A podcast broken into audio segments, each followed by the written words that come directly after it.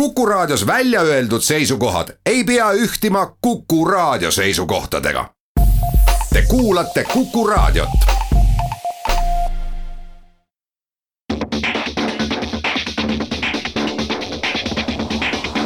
autotund. see on saade sulle, kui sul pole päris ükskõik, millise autoga sa sõidad autotunnile annab hoogu Subaru Foresteri laomüük Marine autos tere tulemast kuulama Autotundi, stuudios on lõpuks ometi tagasi mu kaassaatejuht äh, Martin Mets.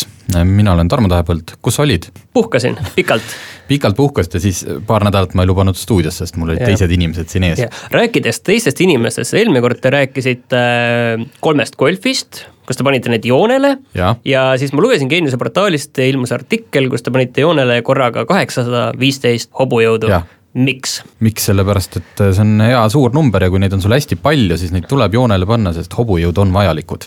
vahepeal, kui ma saatest puhkasin, siis ma sain tagasisidet, et miks te räägite hobujõududest, kui terve Eesti tegelikult inimesed ostavad autot, nende tehnilises passis igal pool on kirjas KV kilovatt. miks autoajakirjanikud räägivad hobujõududest? Äh, jah, sellega sa tõmbasid mind korralikult kahvlisse paar päeva tagasi, et miks me seda teeme, mina ise olen arvanud kogu aeg, et kilovattidest räägivad äh, jah, sellised ähm, autofanaatikud et hobujõud on rohkem niisugune tavainimese teema ja kui tahad näidata üles asjatundmatust, siis räägi hobujõududest.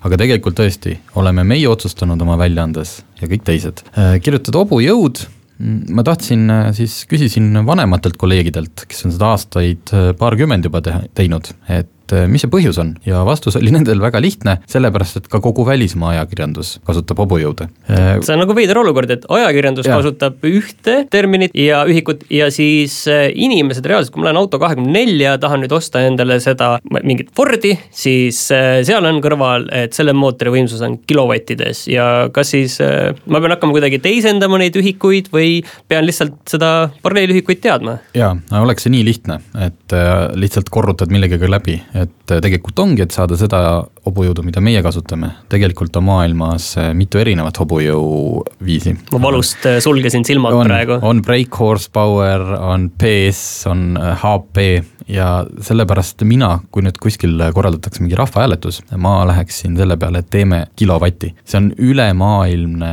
kõik noh, nagu kehtiv selles mõttes kõik igal mandril kasutatakse ka kilovatti teisel pool kaldkriipsu et miks üldse on vaja, see on tulnud äh, jälle need impeerial, äh, see on siis äh, Mandri-Euroopa ja, ja Ameerika vahe mõõt- mm, -hmm. mõõtesüsteemides.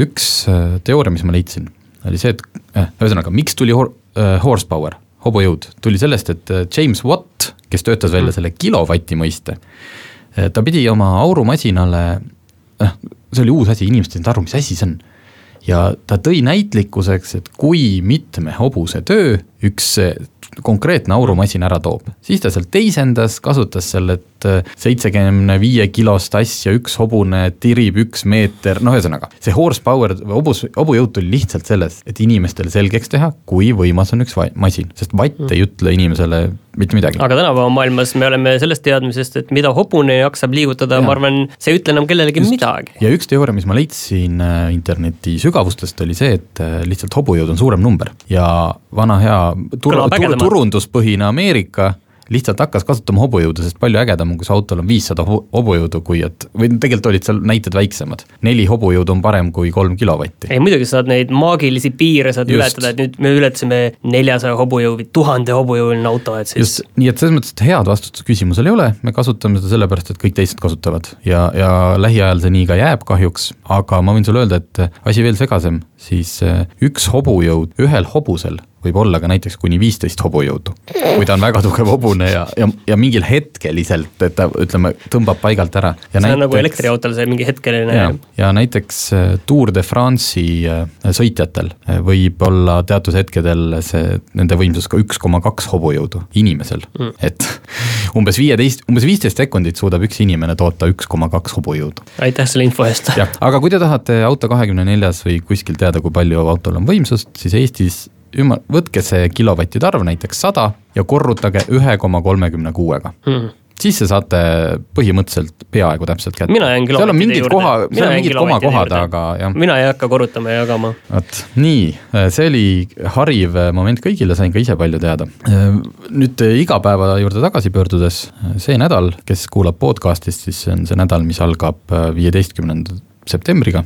politsei keskendub taas kord sellele, et sa ei kasutaks mobiiltelefoni roolis või ei tegeleks kõrvaliste asjadega, aga noh, kohvi joomist ilmselt äh, ei, ei võeta binokliga maha, see on nagunii jäänud ikka mobiil ja äh, on kampaania, et mine ja tag'i sõber, kes sinu arust räägib telefonis liiga palju mobiiliga, räägib autoroolis liiga palju mobiiliga, mitte telefonis. nii et äh, mitut sõpra sina tag'id, Martin? ma ei Tuleb sul pähe kohe? Keegi, kellel on ikkagi probleem. kin- kindlasti nagu on, ma arvan, et sina oled esimene, kes mul pähe tuleb, aga, aga muidu mina isiklikult olen, ütleme, et sellest, ma peaaegu üldse ei kasuta äh, roolis mobiili, teinekord, kui ma kuulan podcast'e, siis ma vahetan, pean podcast'i vahetama ja valima, et millise ma järgmisena panen, aga aga see on ka põhimõtteliselt kõik, et üldiselt ma isegi ei vasta kõnedele au- autoroolis, ma ei, ma ei vaata midagi või kui siis, kui siis kuskil navigeerin, siis on mul ja mina olen aga niiviisi, et ma ei näpi. oma öö, töökohapõhiselt olen öö, ka kõvasti, kõvasti seda vähendanud, peaaegu et enam, enam üldse ei teegi. ärge tehke teie ka. just, aga olgu, ütleme niimoodi, et sind ei, ütleme sind, aga kõik kuulajad ei, võib-olla see fakt, et telefonis sõnumit trükkides suureneb õnnetuse tõenäosus kakskümmend kolm korda, olgu, see on niisugune noh, statistika, see sind ei huvita. kui palju saad trahvi? Trahvi saab Eestis kuni kaheksakümmend eurot. kui on tekitatud liiklusohtlik olukord, on trahv kuni nelisada eurot või load ära kuueks kuuks. okei okay,, see on nagu järgmine tase, kui see sind ei huvita, aga näiteks kui sa lähed ja teed seda välismaal, arvad, et, et mis, mis juhtub teises kus riigis, see ei loe. kus välismaal? no näiteks Inglismaa, sada naela miinimum.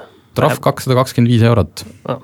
ja kui see asi läheb kohtusse, ma ei tea, mis puhul ta läheb, siis tuhat ükssada vaidlema hakkad siis kindlasti. vaidlema hakkad jah, bussi- ja veokijuhid, teile eriti oluline, rekkamehed, trahv kuni kaks tuhat kaheksasada eurot. see, vot see, see nagu paneks juba mõtlema, sest et äh, eelmine aasta ma lugesin seda uudist, et äh, Briti politsei kas plaanib või võttiski kasutusele veoauto, mis tähendab seda, et nad näevad, sõidavad sellega ringi ja nad näevad paremini, mis toimub veoautojuhtide kabiinis. minul oli tegelikult ikkagi endal, kui noh, nutitelefonid tulid ja kuskil siis sõitsin autoga ringi ja siis see vist oli üks hetk, kus ma lihtsalt ehmatasin ära, aga võib-olla noh, üldiselt see, see tekstimine või sõnumite saatmine, see tundub kuidagi nagu välismaa teema, keegi, keegi ei saada sõnumit. see on Messenger. ma ei tea. Messenger, see ei ole, loomulikult sa ei saada seda SMS-i, vaid sa chat'id. aga, no lihtsalt, et ma kunagi ka näppisin telefoni kuskil maanteel ja siis ühel hetkel sain aru, et oi, ma üldse ei jälgi, mis tegelikult nagu toimub, kuhu ma sõidan, et muidugi jah, muidugi sirge tee kõik, aga ikkagi No ja siis pärast seda, see oli nagu see oli nagu selline äratuskell, et äh, ei, et äh, tegelikult seal nagu ei ole mõtet. ka raadiot näppides juhtub see, et sa avastad, et sa pole noh, sa ei ole nagu kohal olnud, see kohaloleku kontroll. jah, täpselt, kusjuures ma hüppaks nüüd korra sinna Nii. sellesse teemasse, et äh, eelmine kord te rääkisite natukene ka Frankfurti automessist, aga ma korraks hüppaks selle ruttu läbi, sest see haakub sellega. et mulle väga meeldib see Honda E elektriauto. väike, väike pisike sihuke stiilne linnapunn. äge kaheksakümnendate tagasitulek. Ja noh, hind on muidugi kallis, sõiduulatus võiks olla öö, suurem ja nii edasi, mis tegelikult mind seal hämmastas, et muidu selline äge minimalistlik auto, see ja seal sees on seitse meetrit ekraani Mhm. minimalistik juht, nupp on ühesõnaga, vähem. see nutitelefon on sinna juba sisse ehitatud ja seda on seitse meetrit, see auto on ise pole kaks meetrit laigi vist, aga siis sa vaatad seda ühest otsast teise, see on nii pikk nagu tundub nagu seitse meetrit olema, et miks need ekraanid, miks nad teevad ekraanid nii suured sinna, kui ma vaatasin seda näidist seal, et mis sinna ekraanile oli pandud, on ju, näiteks seal promopiltide peal, täiesti mõttetu info, mida, mida samas ees ka näidati. jah, noh, kellele sa müüd seda autot, sa ei müü seda vanemale generatsioonile nagu meie, sa müüd seda urbanistlikule noorele, kes muidu autot võib-olla ei ostakski, aga ta saab nii ägeda ekraani. aga tuleme kohe tagasi ja siis räägime sellest, et miks ikkagi autodes on nii suured ekraanid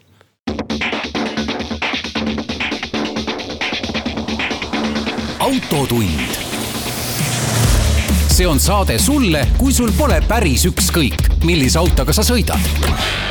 autotunnile annab hoogu Subaru Foresteri laomüük Marine autos autotund on tagasi, jäime siin pooleli küsimusega, et miks on autodes nii suured ekraanid? see tõesti, ma ei saa ju seda vaadata normaalselt, kui ma sõidan, siis ma pean lihtsalt kuskile kaugele paremale vaatama, et see, see ei saa olla ju mugav, väga mõnus või kasulik. ei no sinna väga paremale kõrva, see on äh, ikkagi mõeldud kõrvalistujale. ei, ei, sina selle Honda E-l seal, seal kõige Ja, ja, ja, ei- paremal tagumisel otsas oli see, et ta näitas laadimisinfot, see, kuidas see näiteks seal promopiltide peal laadimisinfo, kuidas auto laeb, kuskohast, kaua läheb aega veel, et see oleks täiesti täis laetud, sama info oli kopeeritud otse rooli ette armatuurile. aga ongi, see on siis teisele, kes kõrval istub, tal on ka natuke on huvitav. näpid telefoni, tal on telefon olemas. no nüüd ta ei pea seda tegema, siis ta ei mõjuta sind ka, ei, selles mõttes seal ei ole ju mingit huvitavat infot ju sa ei taha ju selle ekraani pealt, ma ei tea, äkki uudiseid sinna- lugeda. no aga lõpuks saabki sinna panna selle. jaa, aga sa ei taha sealt neid lugeda, see on ebamugav ja no ma ei taha autos paljusid asju teha, no ei taha näiteks kuulata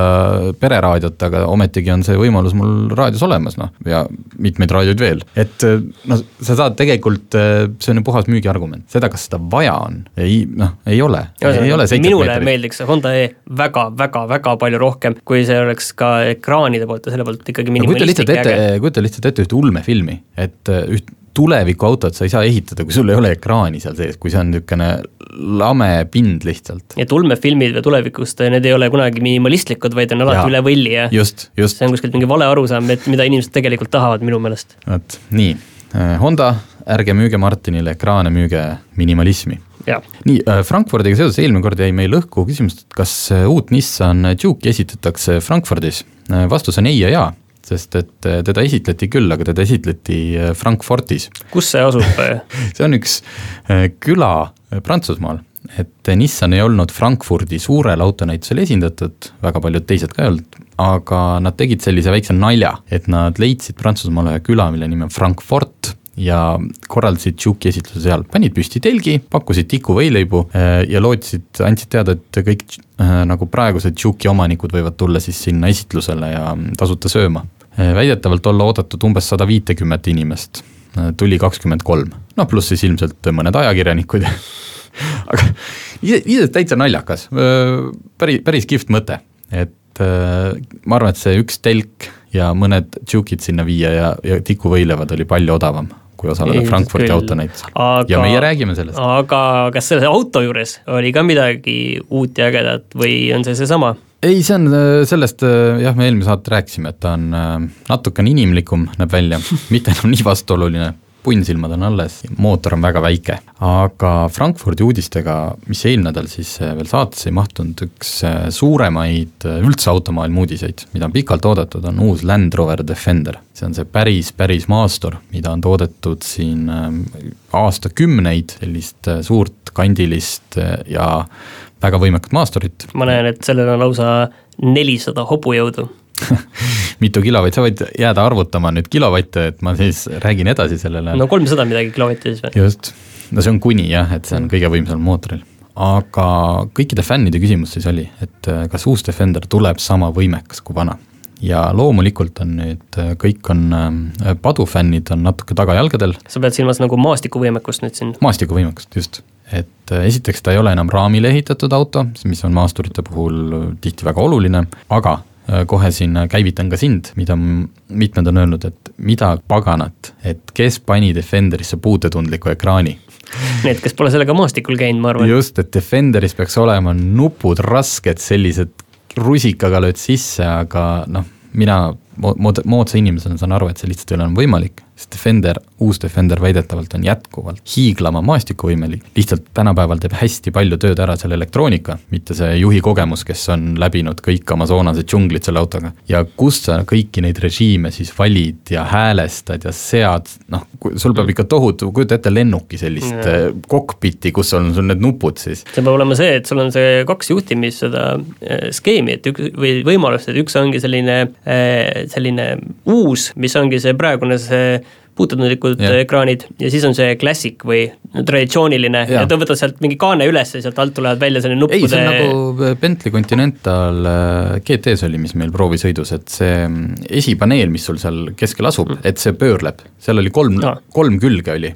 Vajutasid nuppu, keerasid ette klassikalised kellad, niisugune mm, stopper ja keerasid veel, siis tuli ette kogu see puutetundlik ekraan ja kolmas külg oli lihtsalt puit. või see puit, jah, mis niimoodi aga mis sa selle, mis sa selle kolmanda küljega siis teed, selle puiduküljega? ei, see on äh, näiteks parkimise ajal. aa, või okei noh, kui sa auto seisma jätad, siis ta keerab niimoodi automaatselt, jaa okei. ühesõnaga, aga Defender tuleb äh, kahes pikkuses jälle see, noh, mis oli teine mure, et Defender üheksakümmend, mille pikkus on tegelikult juba üle saja, noh, seal on, ähm, käib niisugused peenhäälestus, aga tegelikult on, äh, valdavalt ollakse ikkagi rahul, disain, vähemalt taga ja külgosa on väga-väga defenderlik, tõeliselt kandiline ja kihvt.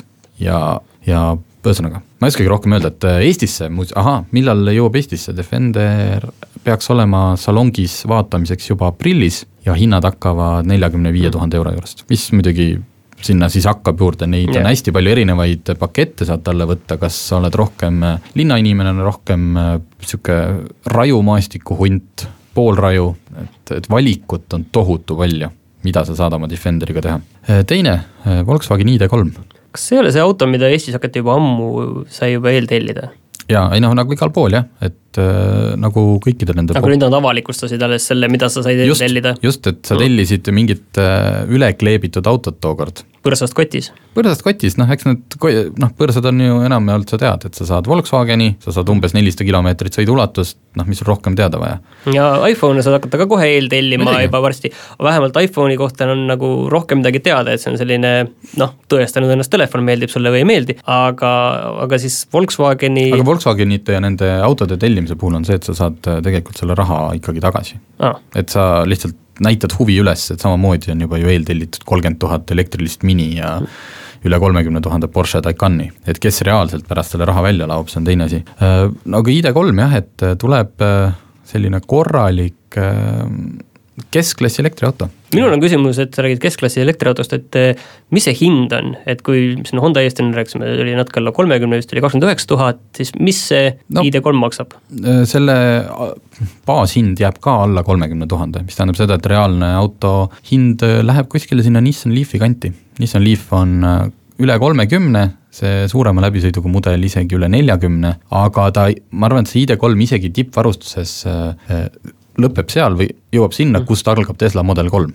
noh, millel on äh, suurem võib-olla läbisõit, kõik see performance'i jõudlusosa on Tesla kolmel parem, aga et noh, et äh, Nissan Leafi klassi aga..., et kui seni on Leaf saanud suhteliselt üksinda troonida kogu mm. selles, äh, on Renault Zoe, aga see on väiksem, seda Eestis on vähe müüdud, siis nüüd, nüüd läheb Leafil raskeks. aga kui suurt edu sa sellele ennustad Eestis? no ma arvan, et kõik, minu arust telli broneeriti kõik ära, mis siia, siia eraldati sellest esimesest äh, mm. batch'ist, selles mõttes ta ei ole nagu äh, erimudel, noh, mida saabki, ma ei tea, a la kolm tuhat tükki ja siis on kõik, vaid see on see, et sa saad esimesena kohe selle no. kätte. ei, ma arvan, et elektriautode osas ennustan ma talle edu. kas ta nüüd hakkab siin äh, seda diisel- ja bensiinigolfide turuosa sööma, seda ma ei usu niipea, aga mina nagu näen ikkagi, et jah, et see kokkuvõttes nende hinnad on ikkagi nõks veel, nõks veel on kallis, et ta nii nagu ikka tõesti rahvaautoks võiks saada.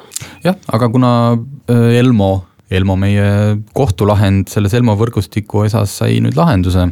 lõpliku lahenduse. lõpliku jah, selles mõttes Riigikohus ei võtnud lukueksperdi viimast kaebust menetlusse, mis tähendab seda, et Elektrilevi saab lõpuks arendama hakata meie mm, ära kustunud elektrivõrgust-, laadimisvõrgustikku ja see paneb alles meie elektriautode müüginumbrid lakke no,. tahaks näha. teeme pausi ja siis oleme tagasi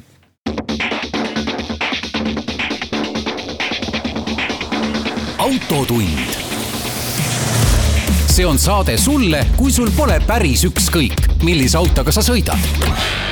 autotunnile annab hoogu Subaru Foresteri laomüük Marine autos. autotund on tagasi, jätkame oma saate teise poole eh, paari pikema teemaga, mida me saate alguses sisse ei jõudnud juhatadagi. Eh, tuleb üks proovisõit võib-olla sellest alustamegi ja siis tuleb üks äh, natukene maailmavaateline mm, selline vestlus meil Martiniga jälle. ta on palju puhanud ja tal on palju häid mõtteid. Aga proovisõidus räägime äh, Kiia X-Ceedist ja ma saan aru, kui see tekitab teil segaduse, et miks me jälle Ceedist räägime, siis äh, tõepoolest Kiia oskab müüa, nagu keegi tabavalt tähendas, et Kiia müüb ühte autot juba neljandat korda. Ühte ja sama autot, et see on siis Ceedi põlvkonna noh, nelja, neljas liige. mis see nüüd siis täpselt on, ära ütle, et see on linnamaastur? oi, ma ei ütle seda, see on, ma ütlen teisiti, see on crossover. See on tõepoolest, on väike linnamaastur. Kiia Ceed äh, tegi äh, eelmine aasta, tõi välja Proceedi, mis oli siis niisugune langeva tagaosaga neljaukseline moodne auto ja, ja täiesti loogiline, et sellele järgneb siis linnamaastur.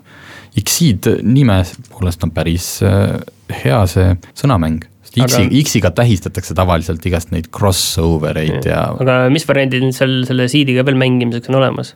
tavaline luukpära, neljaukseline ei, ma mõtlen, et nagu mis äh, sõnamängu seal veel saab teha, et no, mis, palju nad neil teha saavad? X-seed, noh. Saksiid. Saksiid, no just, saks no siis panen saks siit, no see töötaks hästi ju, no saaks tähelepanu. tähelepanu saaks kõvasti, aga X-i-d, kui seda nüüd kuidagi iseloomustada, siis on see siid rikkale inimesele, sellepärast et äh, kui tavalise siidi hinnad on, hakkavad ikkagi alla kahe, noh tublisti alla kahekümne tuhande euro, siis äh, Eestis vähemalt äh, X-i-di hinnad hakkavad kahekümne neljast tuhandest. millega nad seda põhjendavad? esiteks sellega, et Eestis see on elustiiliauto, see on ilus, selles mõttes, et äh, võtame kokku jah, Kiia X-Ceed näeb tõesti väga hea välja, tal ei ole disainis ühtegi sellist äh, kohta, kuhu näpuga näidata, et noh, kõik tegid hästi, aga vot nüüd noh, et miks nad nüüd selle jupstüki siia panid.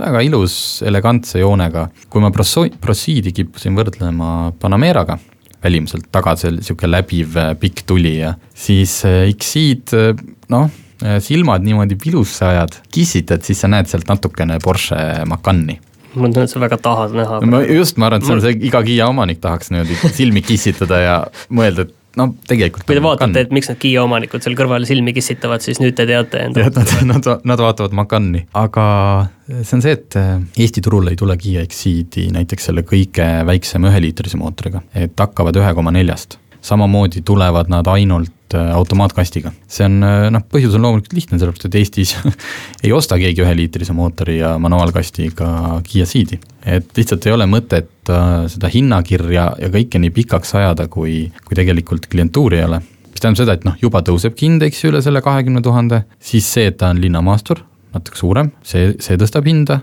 ja, ja nii ta läheb. varustustase on ka juba korralik, juba nagu baasvarustuses, korralikulaadne. ma vaatasin praegu, et tavalised siidid hakkavad viisteist tuhat üheksasaja pealt, nii et ikkagi kümme tuhat eurot rohkem. vaatan, et Kiial on mingi asi, mille nimega Stonic, mida ma olen näinud, mida ma tean, et mis on- müüakse üheliitriste mootoritega Eestis, et äh, no see on nagu kõikide või tänapäeva trend on, et äh, autofirma, suure autofirma see mudeli valik on lihtsalt nii suur, et sa saad seal mingi põhimõtteliselt paari sentimeetri haaval oma autot suuremaks teha. Et Stonic on äh, X-Ceedist väiksem ja ei ole väga, väga levinud Eestis. X-Ceedi äh, puhul Euroopas, seal esitlusel oli kohal ka palju siukseid neid fleet, kes ostavad nagu suuri mm -hmm. autorendifirmad ja et seal esitlusel räägiti, et X-Ceedil on nii suured ootused, et Euroopas peaks ta müüma üksinda sama palju kui senised kolm seedi kokku, ehk siis äh, Luke, Pära Universaal ja see Proceed mm, -hmm. nii et äh, ma ei tea, kas siis tulevad odavamad hinnad teistele, võetakse lihtsamaid versioone või siis ongi Euroopa turg juba selline, et äh, kakskümmend neli tuhat üheksasada üheksakümmend on tavaline auto hind.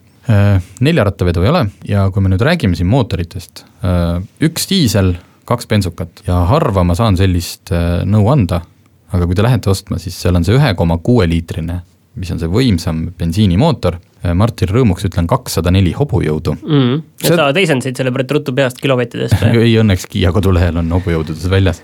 ehk siis kõige võimsam, mõelge üle kahesaja hobujõu ja pole vaja. kõige parem variant nendest on see ühe koma nelja liitrine, sest päris tõsiselt, et see sada nelikümmend hobujõudu versus see kakssada Mhm.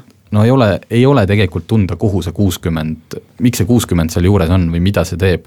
eriti kuna tegemist on ikkagi linnamaasturiga. just, et täiesti rahulikult, et äh, ma tean, hästi lihtne on niimoodi, et sul käib eriti autohuvilis klõps peas ära ja lähed vaatad seda hinnakirja, sa hakkad mõtlema, no, no panen mingi paar tuhat juurde, siis noh, võtaks ikka selle kahesaja hobujõulise. sul need kilovatid ikka jäävad ju terveks eluks või hobujõud, just. või noh, mis terveks auto elueaks, et sa pead ikka mõtlema, et pärast ümber ei saa teha ju.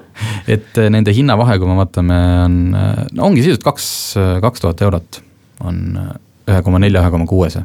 tead, võtke ühe koma neljane ja võib-olla siis varustust juurde. kõige kallim, no siin, siin ei ole probleemi seda autot ajada ka üle kolmekümne tuhande, aga mitte väga palju, et see hind jääbki sellise ja noh, miks mitte diisel, diisliga see vana hea laul, et äh, oleneb, kui palju sa sõidad, see on sinu tööauto, millega sa vihud mm. nagu nädalas mitu korda Tallinn-Tartu vahet ja sõidad aastas kolmkümmend tuhat kilomeetrit, siis mine ja vaata diislit. kui su, kui sa võtad selle linnamaasturiks ja sõidad aastas, ma ei tea, mingi kümme-viisteist tuhat kilomeetrit, noh siis su diisel lihtsalt ei tasu ära, sul ei ole mõtet mm.. nii et saab seekord anda väga konkreetse soovituse äh, mootori osas ja varustusega noh, nagu ikka.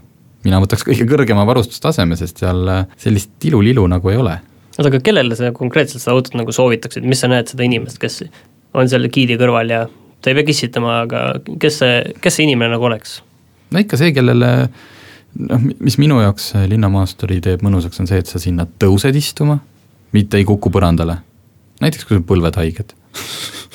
Eestis on väga palju või kui sa tahad inimesi. siseneda autosse elegantselt, niimoodi, et sa ei pea sealt kuidagi ennast välja upitama mugavus, tahad tõsta asju, tuled oma kahe poekotiga, tõstad pagasnikusse, mitte ei küüruta kuskil seal niimoodi tagumikkurvakil seal poeparklas.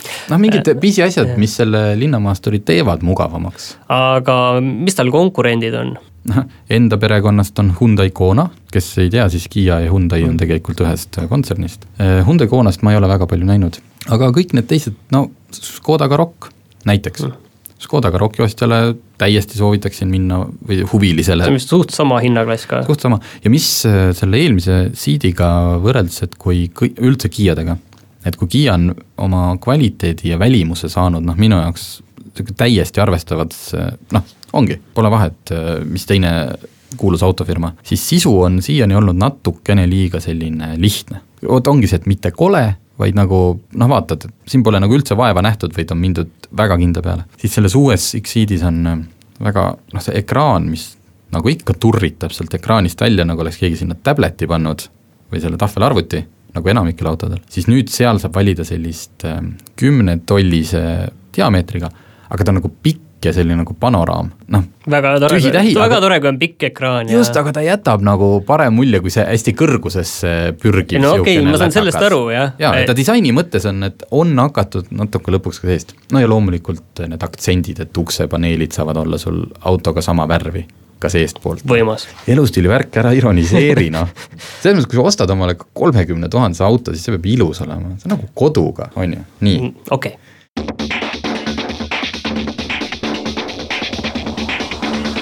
autotund. see on saade sulle, kui sul pole päris ükskõik, millise autoga sa sõidad. autotunnile annab hoogu Subaru Foresteri laomüük Marine autos. autotund on tagasi ja meie saate siis viimane teema.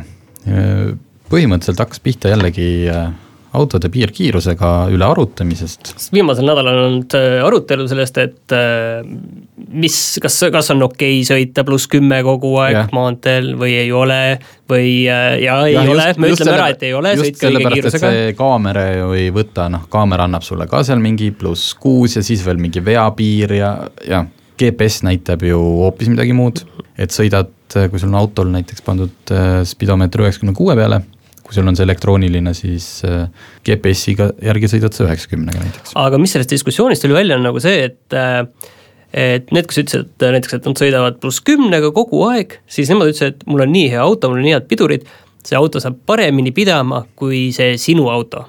ja see kõlab halvasti, aga tegelikult on selles ju õigus. mõnes mõttes, selles mõttes fakt on, et autod saavad erinevalt pidama täiesti nõus aga, ja kujuta nüüd ette, et kui me liigume, kogu maailm liigub praegu selle suunas, et kõik on personaliseeritud. et lähed poodi, varsti on nii, noh praegu on juba niiviisi, lähed Rimisse, tõmbad sealt enda selle kaardi läbi ja see on mingid hinnad, mis on ainult sinule, personaalsed hinnad. varsti on õige pea niiviisi, et sa käid poes ringi ja sa näedki ainult neid enda hindu, hinnad muutuvad, lähed ise juurde sinna äh, kaupade juurde ja siis näed, spetsiaalselt sinule on see hind, näed, sinule on see minule on see porgandikilo kümme senti odavam kui sinule, kes sa mu järel tuled, on ju. Mhm. ja kui niiviisi juba edasi mõelda, et eh, miks ei võiks olla personaalsed kiirusepiirangud?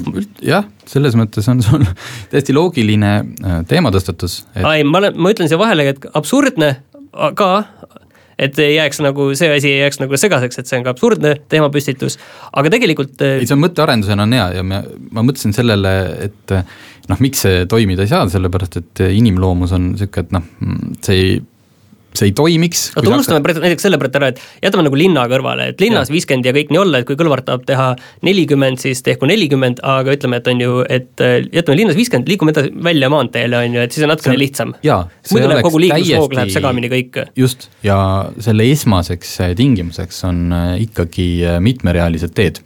jah see tähendab seda, et siis sellisel mitmerealisel teel võiks see tõepoolest toimida kas või juba täna. Aga et see, on... kas Saksamaal autobaanil on ju personaalsed kiirusepiirangud põhimõtteliselt? no ei ole ju, selles mõttes. no selles mõttes, et nojah, et kui sa, sa mõtled sa valid selle kiiruse, millega sa sõidad. aa okei okay,, see jaa, selles mõttes küll jah. ja siis veoautode, veokitel on pandud see yeah. mingi, et kus nad, aga jah, et miks mitte, et ülevaatuspunktis või sinu autole, mis ülevaatupunktis, sul autol on juba vaikimisi võetud algoritm võtab arvesse kas sul on pidurdusabi, kas sul on reahoidja, kas sul on äh, adaptiivne püsikiirushoidja, äh, pidurid, eks ju, mis aasta väljalase see auto on ja selle pealt määratakse sulle see kiirusklass näiteks. mis tähendab seda, et Tallinn-Tartu sellel mitmerealisel teel, et sina võid sõita seal vasakul näiteks saja neljakümnega. aga mina, kellel on mul üheksakümne seitsmenda aasta auto, millel puudub noh, igasugune abi peale ABS-ide, et minu piirang on näiteks kümme või see, ma ei tea, sada kilti tunnis.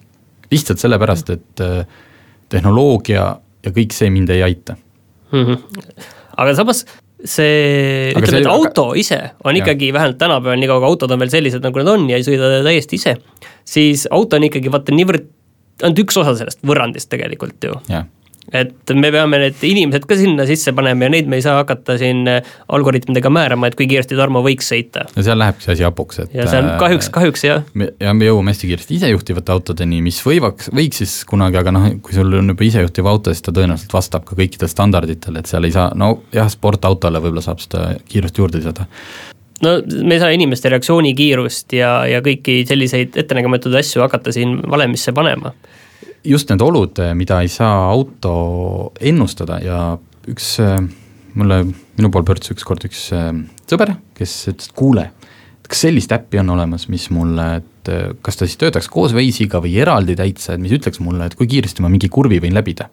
et ta ütleb küll, et noh, siin on üheksakümne kraadi või see üheksakümnene kiiruspiirang, aga kas ma võin seda kurvi üheksakümnega võtta või seitsmekümnega see on teinekord, see on teema tegelikult, sest Eestis on ja, päris palju sisul, kurve, mis on nagu üheksakümne kurvid, aga ja. ilmselgelt iga autoga ei tasuks sinna üheksakümnega sisse minna. et see peaks olema hoiatusena toimiv, aga tema nagu pidas algselt silmas isegi noh, pigem nagu sellist ralli äppi. et äh, ta annab sulle soovitusliku kiiruse või aga noh, seal ma, ta kohe nagu, mul on alati iga lahenduse jaoks on mul probleem olemas, et äh, noh, sa ei saa, sellepärast esiteks su autod on nii erinevad, see autode raskuskese, mm. pluss see juht seal roolis et see auto võib sulle öelda, et sa võid selle kurvi läbida kaheksakümnega. aga kui sa sõidad sinna teravalt sisse ja siis teed mm. järsu pöörde nagu Apexis täiesti vales koha, et noh, kui sa inimese paned neid asju tegema, ta arvuti ütleb kiiruse ja inimene peab selle te mm. ära tegema, siis, siis läheb see hapuks. no inimesed teevad seda erinevalt. ja sama on seal tee peal ka, et kui sa annad äh, mingile tüübile, kellel on, ma ei tea, täiesti tuttuus, kõikide turvalisadega auto, kes sai eile load kätte ja ütled, sa võid siin rahulikult saja neljakümnega sõita, sest sinu autol on see, noh siis tuleks tagasi tuua, nagu need kindlustuses olid kunagi koefitsiendid isiklikud. Et, et kui palju sul on kogemust, kui palju sa oled reaalselt seda, mitte kaua sul load on olnud, vaid siis peaks olema kau-, palju sa aega teel oled veetnud roolis.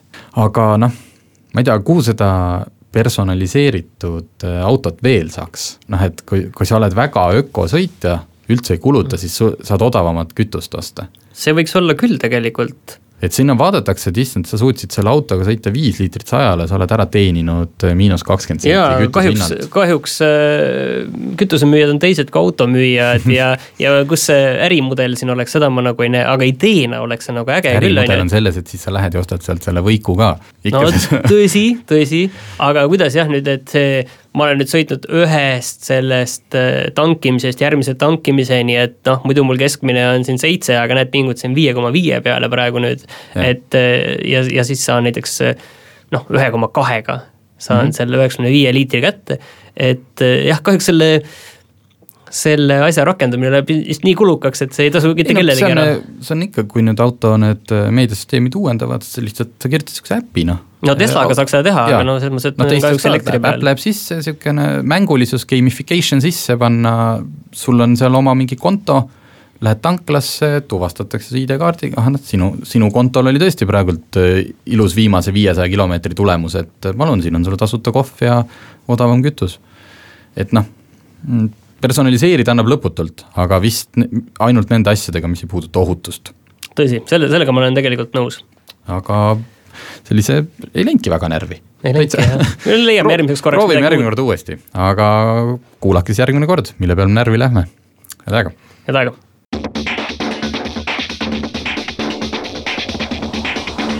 autotund. see on saade sulle, kui sul pole päris ükskõik millise autoga sa sõidad. autotunnile annab hoogu Subaru Foresteri laomüük Marine autos